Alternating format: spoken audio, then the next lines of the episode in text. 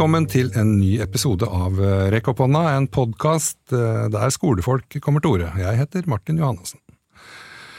Medienes søkelys på resultater og opptakstall speiler tendenser vi har sett siden 1990-tallet, der Norge meldte seg på i et race der det først og fremst er om å gjøre å forbedre konkurranseevnen i den internasjonale kunnskapsøkonomien. Dette skriver professor i historie Merete Ros og Kim Helsvig, også professor og historiker. Overskriften på kronikken var Hva ønsker vi med å oppnå med, med utdanning? Velkommen, begge to. Takk. Takk, takk. Jeg spør om det først, da. Hva, hva ønsker vi å oppnå med utdanning? Ja, um, bakgrunnen for at vi skrev denne kronikken, det var vel uh, en slags reaksjon, eller en slags eh, litt sånn fortvilelse over eh, test eh, den, den, vekten på testresultater og den vekten på en måte målstyring som skolen har vært gjenstand for de, de siste årene. Og som historikere så syns vi, både Kim og jeg, at dette går veldig på kollisjonskurs da med de idealene som vi ser gjøre seg gjeldende i skolen, skolens historie. Mm. Eh, vi jobber en del med utdanningshistorie, og drivkraften for opprettelsen av skolen det har jo vært på en måte en helt men diametralt motsatt tenkning av det vi har sett ser, vi, ser, i dag, hvor det er en slags eh, kvantitativ målbar kunnskap som på en måte er dominerende. Og det mm. man ser i historien, er, og særlig norsk skolehistorie, men også internasjonal skolehistorie, det er at man ser i større grad en dannelsesorientert tenkning, hvor utviklingen av individet står i sentrum.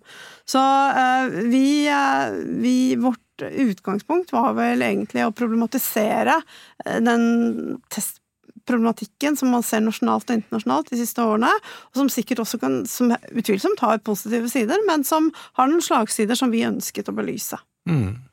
Uh, ja, nei, dette er jo absolutt ikke enkelt, og, og vi uh, Uh, mener jo ikke på noen måte at vi har noe svar på hva vi ønsker å oppnå med utdanning, men, men problematiserer det. For jeg har en opplevelse av at, at uh, skolepolitikken altså, går litt på autopilot. At man har funnet et sett med midler liksom sånn fra, fra uh, begynnelsen av 2000-tallet, men som strekker seg lenger tilbake også. som som, eh, som, alle synes å slutte opp om liksom, i, det, i, det, politiske landskapet. ikke sant? Mm. Reformer liksom, knyttet til kunnskapsløft og sånt, noe som ble innført under Høyres Kristin Clemet på, på, begynnelsen av 2000-tallet ble jo liksom i det store og hele videreført og utdypet gjennom eh, den rød-grønne regjeringen og mm.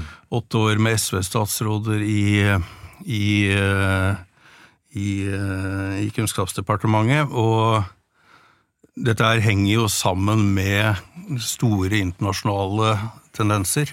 Mm. Jeg eh, har liksom sett en veldig internasjonal vending av hele det norske skole- og utdanningsfeltet fra, mm. altså gjennom de siste tiårene. Mm som går på altså,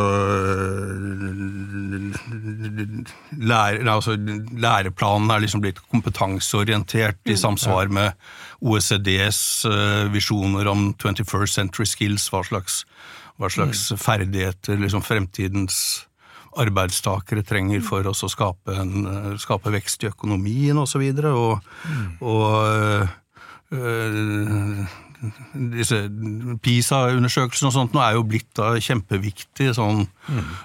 sånn lakmustest for hvorvidt man lykkes eller ikke. altså Tidligere kunnskapsminister Torbjørn Røe Isaksen sa vel at enten man liker det eller ikke, så er liksom dagen da PISA-resultatene offentliggjøres, det er liksom sånn nesten den viktigste dagen i hele regjeringsperioden. ikke sant? Mm. Ja, Han uttalte vel noe sånt som at han hadde aldri vært så glad før som når, de, når han satt som minister og disse mm. resultatene kom, for de var så gode. Mm. Men de var, jo, de var, prikk like som de som var krise noen år før. Mm. Ja, det er, ikke sant. Man kan lage mye, mye morsomt ut av disse, mm. disse resultatene, ja, ja. og hva som presenteres som krise, og hva som presenteres som gode resultater. Ja, men jeg tenker på det du sa mer om det om dannelse, da. Mm. Og det, tenker, det er liksom det kollektive. Mm. Og så har vi gått mer imot en sånn slags, ut av det kollektive, en mer sånn slags egoistisk eh, greie. Men det er ikke det sånn tendenser i samfunnet òg? At det er sånn selfie-kultur, og man er meg, meg, meg? Jo, det er det jo. Det speiler jo helt, helt klart overordnede tendenser. Og det, det som er interessant, det er jo at eh, det har vært rettet søkelys på at, som Kim også sier, er at uh, dette er på en måte et, eh, dette er et tverrpolitisk anliggende. Det kan, ikke, det kan ikke knyttes til verken den ene eller den andre siden av det politiske landskapet. Det er en, det er en tendens i tida til å ville, til å ville på en måte eh, orientere deg mot målbare resultater og mot det som kan telles og, og, og regnes på. Og, og eh, ehm, man kan jo kanskje tenke da at det er, eh, det er lettere og det er en enklere prosess enn det å, å, å ville ta den dannelses, eh, det dannelsesaspektet, hvor individet dannes til en del av et kollektiv, istedenfor å, å eller, som, eller som man gjør nå, da, å, å satse på i større grad på individet. Ja. For det, er, det er sikkert mange som opplever det, både som lærer og skoleleder, at det er egentlig det som skjer. Og så Ja. hvordan skal man gjøre det, tilrettelegge for det, da, på min skole? Ja, nei, og, og under det hele så ligger det jo en, eh, en, eh, en tanke om at, eh, eh, altså at nasjonen skal hevde seg i den internasjonale kunnskapsøkonomien. ikke sant? Altså Visjonen om kunnskapssamfunnet som vokste fram på 90-tallet, det er liksom det som ligger under, under det hele her. Men er ikke det bra, da? At vi skal liksom hevde oss i kunnskapssamfunnet? Jo da, det, det er det selvfølgelig eh, på, på sett og vis, ikke sant. Eh, eh, man har tegnet et bilde av at liksom sånn det gamle industrisamfunnets tid er over, og nå er vi på vei inn i kunnskapssamfunnet. Mm. det Målet blir da å liksom kvalifisere den enkelte til å kunne delta i dette kunnskapssamfunnet for sin egen del, og for også å liksom bidra til økonomiens, økonomiens, eh, økonomiens vekst. Men samtidig så ser vi at liksom dette, denne visjonen som ikke minst liksom sentrum-venstrepartier førte over hele den vestlige verden førte fram på 90-tallet, det stemmer ikke helt med terrenget, hvordan ting utvikler seg. Det man ser i dag, er jo at de store sosiale og politiske spenningene som bygger seg opp og forsterker seg i Europa nå, de utvikler seg i stor grad langs eh, utdanningsaksen. Og så er, det, og så er det jo en sånn forherligelse av um, akademiske ferdigheter som impliseres i dette i dette um, Altså disse tendensene, da, hvor man da skal uh, gjøre Norge og alle andre land til, uh, til, til brikker i et kunnskapssamfunn. Og det som, det som er, kan være et problem med det, det er jo at uh, det er slett ikke alle som skal gå på universitetet, eller ikke slett ikke alle som har evner i den, den retningen. Og da ser man en devaluering av veldig viktige fag, og en devaluering av, av viktige tradisjoner, viktig håndverk. Vi- som- og viktig kunnskap. Og vik, viktig kunnskap. Som ikke rammes av liksom Ja, som ikke rammes av det kunnskapssamfunnet. Ja, da den tenker jeg da har lyst til å slå et slag for elektrikeren. Ja. Og det er ikke bare fordi sønnen min går og utdanner seg til eh, elektro nå, men litt på det òg, for han får ikke noe lærlingplass. For det må man skaffe sjøl. Så det er på en måte nedprioritert i skolesystemet. Mm. Mens en, eh, en sykepleier eller en lege, eller en lærer for den saks skyld, ville jo fått tilbud om praksis underveis og ville gått inn i, et, Mm. Ja. i sitt fag. Eh, og dette her med lærlingplass, det gjelder jo også for uh, gullsmeder, for uh, snekkere, for en god del sånn type håndverks yrkesfag, da. Ikke Ja, og det er jo det er kanskje symptomatisk også nå at eh, håndverksjobben i Norge, og i hvert fall her i Oslo-området, har blitt uh, satt ut på anbud til folk som kommer fra andre steder, av, særlig Europa. Eh, fordi det er ikke nok av eh, norske til å gjøre det. Og det er et eh, det er en devaluering både av kunnskap og av, av, av ferdigheter som mm. kanskje ikke vil være bra på sikt. Ja, nemlig, for dere skriver jo også rett ut at uh, skoleprestasjoner blir sett på som et slags universalmiddel, som både skal sikre økonomisk konkurransekraft og løse problemer med økende sosiale og økonomiske forskjeller. Men, men er ikke det et veldig stort eh, ansvar å legge på en uh, elev? At Jo, ikke sant. Det er, eh, og det er jo en trend at uh, stadig flere av samfunnets problemer skal på sett og vis løses gjennom, gjennom skolen. Ja. Og altså, den danske statsviteren Ove Kai Peder, som skrev jo denne boken 'Konkurransestaten' for noen år siden, hvor han liksom argumenterte med at eh, velferdsstatens epoke er på sett og vis uh, over, og at man ser liksom framvekst av konkurransestaten, hvor nettopp det er dette her mm. med Altså hvor, hvor, statens oppgave blir også å gi det enkelte individet tilbud om og opplæring for å klare seg i dette kunnskapssamfunnet. Mm. Og klarer man ikke det, så, så, får man nye sjanser, men også at det er eller kunnskaps- eller skole- og utdanningssystemet som skal liksom kvalifisere deg inn i, mm. inn, inn i samfunnet. Og, og, liksom at du skal finne din rettmessige plass i samfunnet. Da. Mm. Um, og det klarer man ikke gjennom det ganske liksom sånn eh, akademisk orienterte, riktignok brede, pyramideformede systemet eh, vi har eh, også, heller ikke i Norge. Men altså, som sagt, man ser klart tendensene ute i, ute i Europa til at liksom mange faller utenfor mm. dette disse utdanningssystemene som er designet for at liksom alle skal inn i kunnskapssamfunnet. Mm. Og, og, dette underbygger da de, de, de, de, spenningene som vi ser nå i dag. Ikke sant? Dette er sånn som Thomas Piketty har skrevet om, ikke sant? Hvordan, hvordan arbeiderklassen, og særlig ufaglærte arbeiderne, har liksom blitt de, de økonomiske taperne på den mm. globale arenaen de siste fire tiårene, og samtidig så har Arbeiderpartiene og de sentrum-venstrepartiene orientert seg mot de nye utdanningsgruppene. Ja, nemlig, og det er jo et paradoks, kan man si. Mm, mm. Og resultatet blir jo altså Ser man internasjonalt i type opp, opp, opptøyer som vi f.eks. ser i Frankrike, med gule vester og, mm. og, eh, og, den slags. Og du har det samme med i Storbritannia med hvem som stemte for brexit eh, mm. der. Sånn at det, det, blir Det skaper noen konfliktlinjer som, som er uheldige for samfunnet, og som, som, på sikt skaper, og ikke bare på altså på, Både på kort og på lang sikt egentlig skaper mer problemer da, enn det, mm. det, enn det, det gjør. fordi at det, det verdsetter kun én side av menneskelivet, og det er den som er kvantitativt målbar. Og kvalitativt målbar. Ja, akademisk mm. sett, mm. nemlig. Det, det er, men det er jo interessant også da, selvfølgelig, vi snakker om Europa, vi snakker om globalisering, og, mm. og det er jo, altså varer kommer fra hele verden. Eh, og digitalisering samtidig, så alt er på en måte i samme marked. Eh, nærmest. Men hvordan tenker du at det, på en måte, den utviklinga spiller inn? Med, altså, ja, nei, øh, nei, altså globaliseringen har jo skapt veldig klare vinnere og tapere. Og ikke sant, Som du sier, det er jo helt riktig at man er liksom blitt vevd sammen på helt nye mm. måter. og det er jo masse i den nye økonomien og kunnskapsøkonomien som er, som er um, kjempeflott, men Og kunnskapssamfunnet i seg selv er jo ikke noe galt, men det er liksom at det er en litt sånn snever orientering inn mot akademisk kunnskap som liksom mm. verdsettes gjennom systemet. Mm.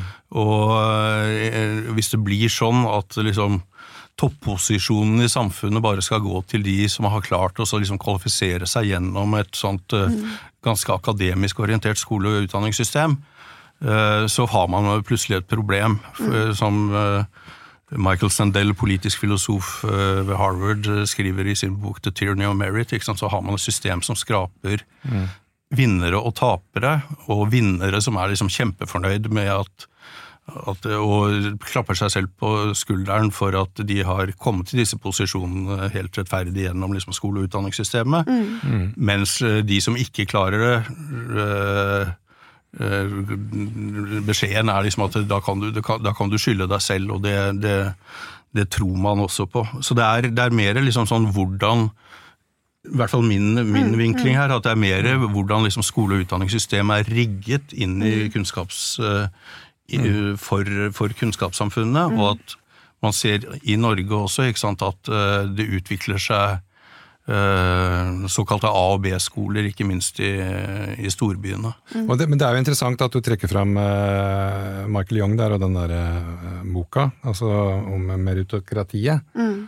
Eh, som, Sam Dale, men han er jo veldig inspirert av Michael Youngs Ja, for, for det, er jo, det, er jo, på en måte en satirisk liten dystopi. Absolutt, skrevet absolutt. som en sånn slags sosiologisk uh, rapport. Mm, mm. Uh, og, men Labour også, i England, og han var jo også Labour, medlem av Labour, Michael Young. Mm, Eh, og Labour i England, husker ikke hvem av lederne som brukte det som en positiv ting. Ja, ja, ja. Og da måtte ja. han ha ut og forklare. altså Det her er faktisk ikke, det var ikke ment som en ønskedrøm. Nei, Dette er et mareritt. Ikke sant? For det forsterker jo klasseskillet. Ja, ja, det er, jo- det er jo nettopp det det gjør, og det er jo det, er jo det som er problemet her, at, eh, at klasseskillene blir ytterligere forsterket. Og vi kan jo si det at her i Norge, så med nordisk modell og sosialdemokrati og alt mulig, og all- alle verdier vi har bygd opp, så er vi på en måte litt forskånet. Men vi skal ikke lenger enn til eh, Storbritannia, som du refererer til nå, for å se helt dramatiske forskjeller, altså. Ja. Og, det, det, Sverige. og, og Sverige også, for den saks skyld. Eh, og det, det eh, Men jeg, tenker altså sånn som type Storbritannia, som på en måte er et sånt yndet shoppingparadis for nordmenn. Og det, det Mm. tenker jeg på hver gang når jeg, på, når jeg selv er i London altså nordmenn som går på, på, på, yes, Yes. på, på Oxford Street. Så tenker du at, at dette er London, og så skal du eh, fire kvartaler unna, og så opplever du eh, eh, de vanvittige forskjellene, altså. Og det, det, det, er, det, er et, er på en måte en, en, en realitet som ikke vi helt klarer å ta inn over oss, men som, som man, man ser hvis man ser litt utenfor sitt eget, eh, sin egen nese. Men hva tenker dere, liksom, hva, hva er det vi kunne gjort annerledes? da? Hvordan kunne vi på en måte, skolen, og utdanninga, bli bedre, liksom, mer på sine egne premisser? Mer på det liksom, pedagogisk funderte? Ja, nei, bare, først bare ikke sant, Tony Blairs og New Labours visjon for, eh, for framtiden og og valget i 1997 var jo nettopp education, education, education. Um, og hva man kan gjøre. Ja, nei, altså vi var på et uh, jubileumsseminar for uh, Norsk reformpedagogikks mor Anna Setne i Drammen her uh, i forrige uke. Og eh, Anna Settene var jo Ja, hun var opptatt av kunnskap. eh, Og at selvfølgelig at det er det som man skal drive med i skolen, men samtidig at det skal være på tilpasset barns psykologiske utvikling på barns premisser, og ikke minst var hun opptatt av å utvikle en skole som, som også å heve statusen på skolene for, for arbeiderklassens barn og for barn på landsbygda og sånt. noe. Sånn at uh, Hun mente jo at den skolen som ble bygget opp etter krigen, som, sant, med niårig felles grunnskole osv., osv., at det var et system som bare som, øh, ville skape skape tapere, for hun sa liksom sånn øh, skille mellom Uh, Framadsskolen og realskolen går uh, dikteres av livet selv. Sant? Altså at her er det så mye forskjellige evner og interesser som må verdsettes på sine premisser, og som må fanges opp i skolesystemet. Og, så- så ja, nei, Vi er vel ikke revolusjonære, noen av oss, men altså at, liksom at det må bli en langt større eh, bredde og en langt større verdsetting og et mye bredere kunnskapsbegrep. Ja, jeg, Ja. Tror, jeg tror at dette, et bredere kunnskapsbegrep er utrolig viktig. Og, og måtte inkludere alle disse fagene, som også Anna Setne gjorde, da. Som var, var opptatt av å inkludere alle disse ikke-akademiske fagene også. Og inkludere eh, måte, kunstneriske uttrykk og andre altså, måtte, praktiske, praktiske evner. Praktiske uttrykk. Kanskje mer enn det skolen har gjort i dag, da. Ja, for jeg, tenker, jeg har jo på en måte en sånn drøm om at skolen skal bestå av kunnskap, selvfølgelig, Ja. men også av håndverk og, og dannelse. Kanskje har litt okay. å lære av Steinerskolen? Ja, det har jeg jobba sagt hundre ganger her, men jeg har jobba der i fem år. Du er det, ja? ja, Ja, ja. så jeg er utdanna steinerskolelærer, Ja. faktisk. Så og der er jo kunnskap, håndverk og dannelse veldig Men ikke sånn sant, del. ideologien der er ikke altså Man kan si mye om Steinerskolen, men det er, ideologien der er jo bygger jo veldig stor grad på de, den ideologiske plattformen som man ser i Norge fra 1860 og framover, med en, en sterk, sterk vekt, på, på dannelse.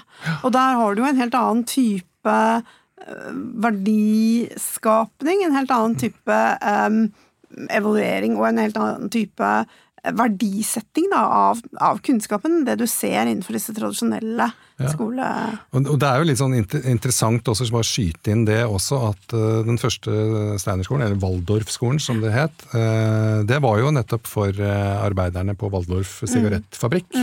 At barna til arbeiderne skulle ha et skoletilbud. Nettopp. Det var det Rudolf Steiner ble bedt om å starte, som Ja. han da fikk, ja, fikk forespørselen i mai og starta i august.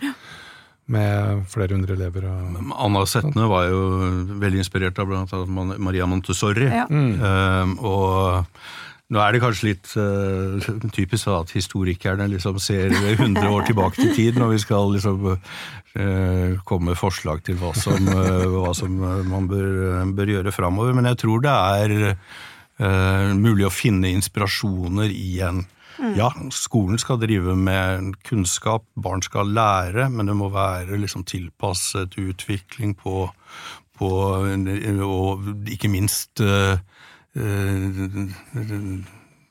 ja, spille opp mm. til liksom interesser og, og, og nysgjerrighet. Og det er på ingen måte i står på ingen måte i noen motsetning til å utvikle kunnskap som, som, blir økonomisk nyttig. Altså. Nei, nemlig, og det var jo for en jeg husker ikke om det var et år eller to eller tre, så da var det en ganske sånn stor eh, debatt som gikk ut på hvorvidt historie egentlig var et fag, mm. eget fag på, ja, på, videre, på videregående. ikke sant? Mm. Det startet ganske mye. Men da sa det argumentet for historie da var jo akkurat det som du er inne på, at vi er nødt til å se bakover for å kunne mm. se fremover, da, for å si det sånn. Mm. Tabloid.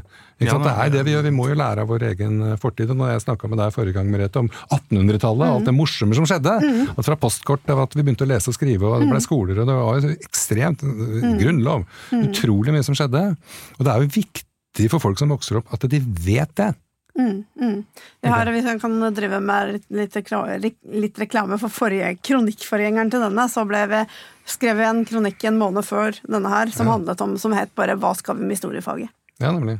Og det, hvor vi sier akkurat det der, at eh, for å kunne forstå vår egen tid, og også ha, være rustet for å forstå framtida, så må vi forstå historien og fortida. Nemlig. Men dere, bare eh, litt mer i den kronikken som dere har skrevet, eh, som sto på trykk i VG, var det juni? Juli? Nei, det var, var det 12. Eh, september. Det er jo bare noen uker siden. Ja, ja. Tida flyr, vet du. Jeg går litt sur eh, sånt. Men eh, ja, så den er fersk. Den er fersk. Ja, den er fersk. Hva vil du med utdanning? Bare google, så finner man den med en gang. Men dere skriver altså resultatet av alt dette her, den, måte, det som dere har formulert, det kan være at man opplever det motsatte av det som man egentlig ønsker, da. At den optimistiske troen på utdanning blir konfrontert med det motsatte. Frykten for overutdanning så vel som en tiltagende pessimisme og bekymring når det gjelder hvilken verdi utdanning har for både den enkeltes personlige utvikling og sosiale integrasjon. Det var mange fremmedord, mm -hmm. men hva, hva, mener dere her? Ja, altså Hva var det, hva var det første? Det, altså, dette her med, med, med mastersyken er jo liksom noe man har diskutert, ja. diskutert mye. Men altså, lager man et skolesystem som gjør at veldig mange kommer ut av det og føler seg som taper og egentlig ikke har hatt noe ut av det, så, så, så, så har man et problem. Og, da, og det, er jo ikke, det er ikke, dit man ville, det er jo ikke dit liksom, politikerne og de som har laget dette systemet har ønsket seg. De har ønsket seg et system som skal, skal fremme kunnskap som gagner den enkelte og gjør at du kan leve et rikt liv og finne den jobben som du syns er interessant, og det kan gagne økonomien og sånt noe. Men når det da ikke fungerer slik, og man ser at Eh, ute i Europa har som sagt at eh, liksom de spenningene politiske og sosiale som bygger seg opp nå, de bygger seg opp langs utdanningsaksen, mm. hvor det, skapes veldig mange som kommer ut med en følelse av at de er eh, ja, misliker og kan takke seg sjæl for at ikke de har liksom klart å kvalifisere seg gjennom dette systemet. Mm. Ja, nemlig at det blir litt sånn, hva skal vi si, personalisert. Ja, ja da, og, og, Anna Cecilia Rapp, som er førsteamanuensis på NTNU, hun skrev i sin doktoravhandling og konkluderer jo der med at liksom det, det norske skole- og utdanningssystemet er skolesystemet er rigget mer for liksom middelklassens barn enn for arbeiderklassens barn. Mm. Nemlig, og nå er det så mange ting som dukker opp inni hodet mitt. Uh, samtidig som uh, tida går. Mm. Men det er bare en liten anekdote der, fra Sverige og litteraturens verden. Uh, og hvem som vinner priser. Og hvem som sitter i juryen som mm. deler ut disse prisene. Og Det viser seg da etter en gjennomgang at det var stort sett bøker som handla om middelklassen, mm. som vant disse prisene. Ja. Mm, mm. Ja, nei, ikke sant. Og, Maria Berg Reinertsen skrev eh, interessant i en uh, artikkel om, om Piketty i fjor, at liksom sånn, disse, disse, spenningene som utvikler seg, det handler ikke bare liksom om at utdanningseliten ser ned på de som ikke klarer å liksom hevde seg gjennom skole- og utdanningssystemet, men det, det kan også gå den andre veien. ikke sant, at at klasseforakten oppover også liksom øh, vokser.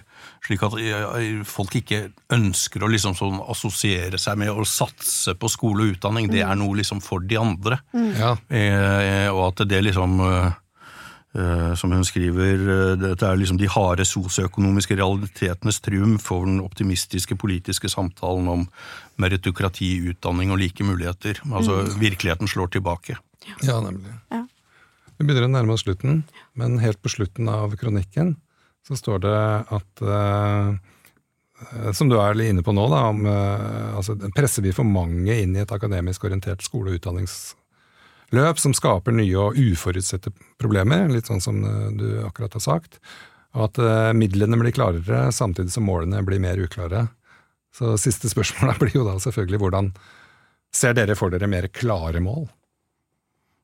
Nei, jeg ser i hvert fall det, tror jeg vi er veldig enige om. Vi ønsker med det at målene må diskuteres mm. i uh, veldig mye større grad. Jeg tror ikke vi har noen, vi har noen noe uh, veldig stort, godt svar på hva som skal være målene. Jeg tror vi egentlig bare ønsker å reise en debatt om hva som skal være målene. og det tror Jeg fordi jeg tror ingen har noe svar på hva som er målene. Jeg tror den debatten må tas, og at den debatten må, må, må i større grad prege både den politiske hverdagen og utdanningssektoren framover. For nå har vi liksom et system som hvor midlene går litt på autopilot. Ja, det er nettopp det. Ja, for vi har fått et nytt kompetansebegrep, og nå trenger et nytt kunnskapsbegrep. Ikke sant. Ja. Ja.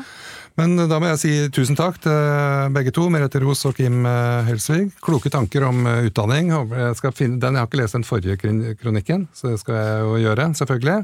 Jeg håper det blir debatt. Det håper dere.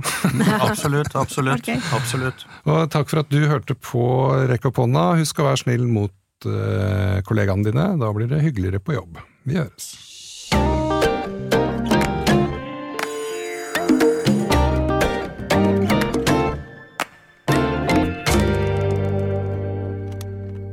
Produsert av